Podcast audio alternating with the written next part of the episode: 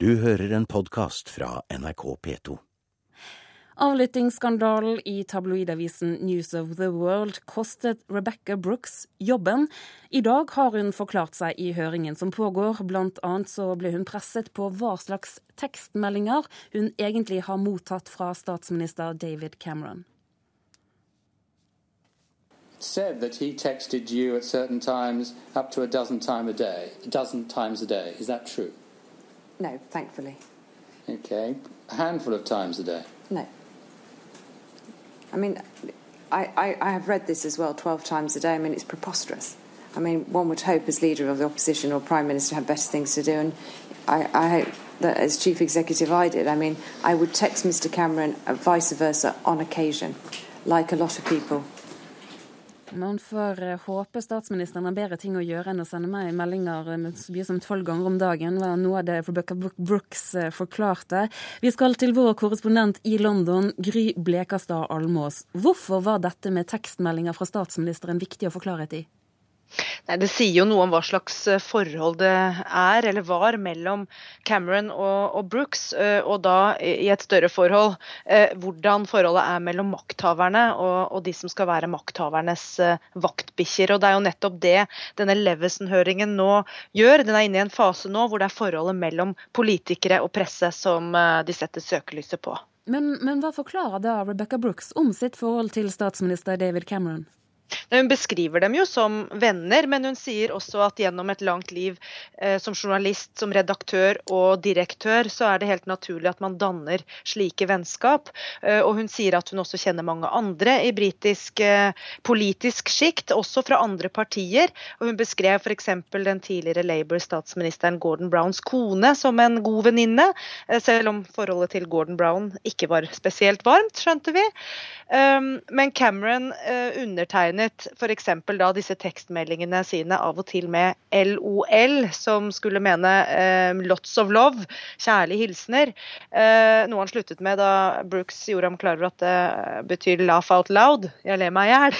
Så han hadde kanskje misforstått den lite grann. Men den typen sjargong tyder jo på at de sto hverandre nokså eh, nok så nært. Og han sendte jo også støtteerklæringer til Brooks eh, da hun i fjor sommer måtte gå av pga. denne avlyttingsskandalen i News of the World. Kan, kan dette få konsekvenser for statsministeren?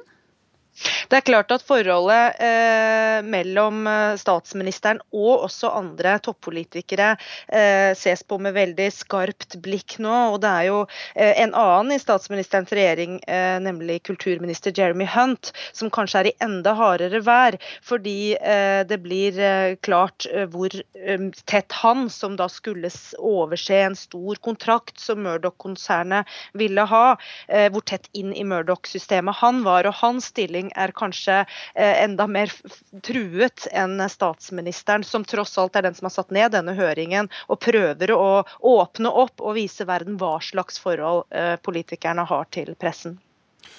Dette er første gang Rebecca Brooks forklarer seg. Hva er det utspørreren har lagt vekt på å få vite av henne?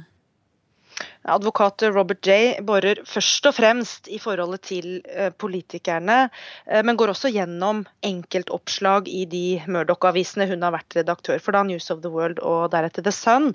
Eh, de er ute etter arbeidsmetodene og motivene for sakene som har stått på trykk. De holder seg unna selve avlyttingsskandalen, fordi hun, Brooks altså, er blant de mistenkte for avlyttingene, for å ha stått ansvarlig der. Eh, hun er under politietterforskning, og denne høringen skal ikke ta stilling til eventuelle ulovligheter, men først og fremst til presseetikken. Helt til slutt, eh, Gry Blekastad Almås, hvordan vil du si at Rebecca Brooks fremstår? Uh, alvorlig og konsentrert. Um, hun beklager det når hun ikke finner fram i papirene sine, men uh, hun fremstår veldig godt forberedt, godt brifet. Prøver å vri seg unna noen spørsmål innimellom. Hun har også kildehensyn å ta, så det er en balansekunst å være åpen og ærlig samtidig som hun skal beskytte kildene sine. Um, hun skal også prøve å ikke falle i noen feller for eh, egen del. Men jeg må si hun også er offensiv. Hun beskylder uh, Jay her, avhøreren, for å, å, komme med ryktepregede påstander eh, om henne. Som om de var i en tabloid nyhetsredaksjon. Så hun, hun minner ham på at uh, vi nå er i en rettslig høring. Så hun er, hun er uh, konsentrert. og nå kan hun snart slappe av, for nå pågår denne høringen av Rebecca Brooks i en knapp halvtime til til, og så er hun ferdig med den runden. Takk skal du ha, Gry Blekastad Almås. Du har hørt en podkast fra NRK P2.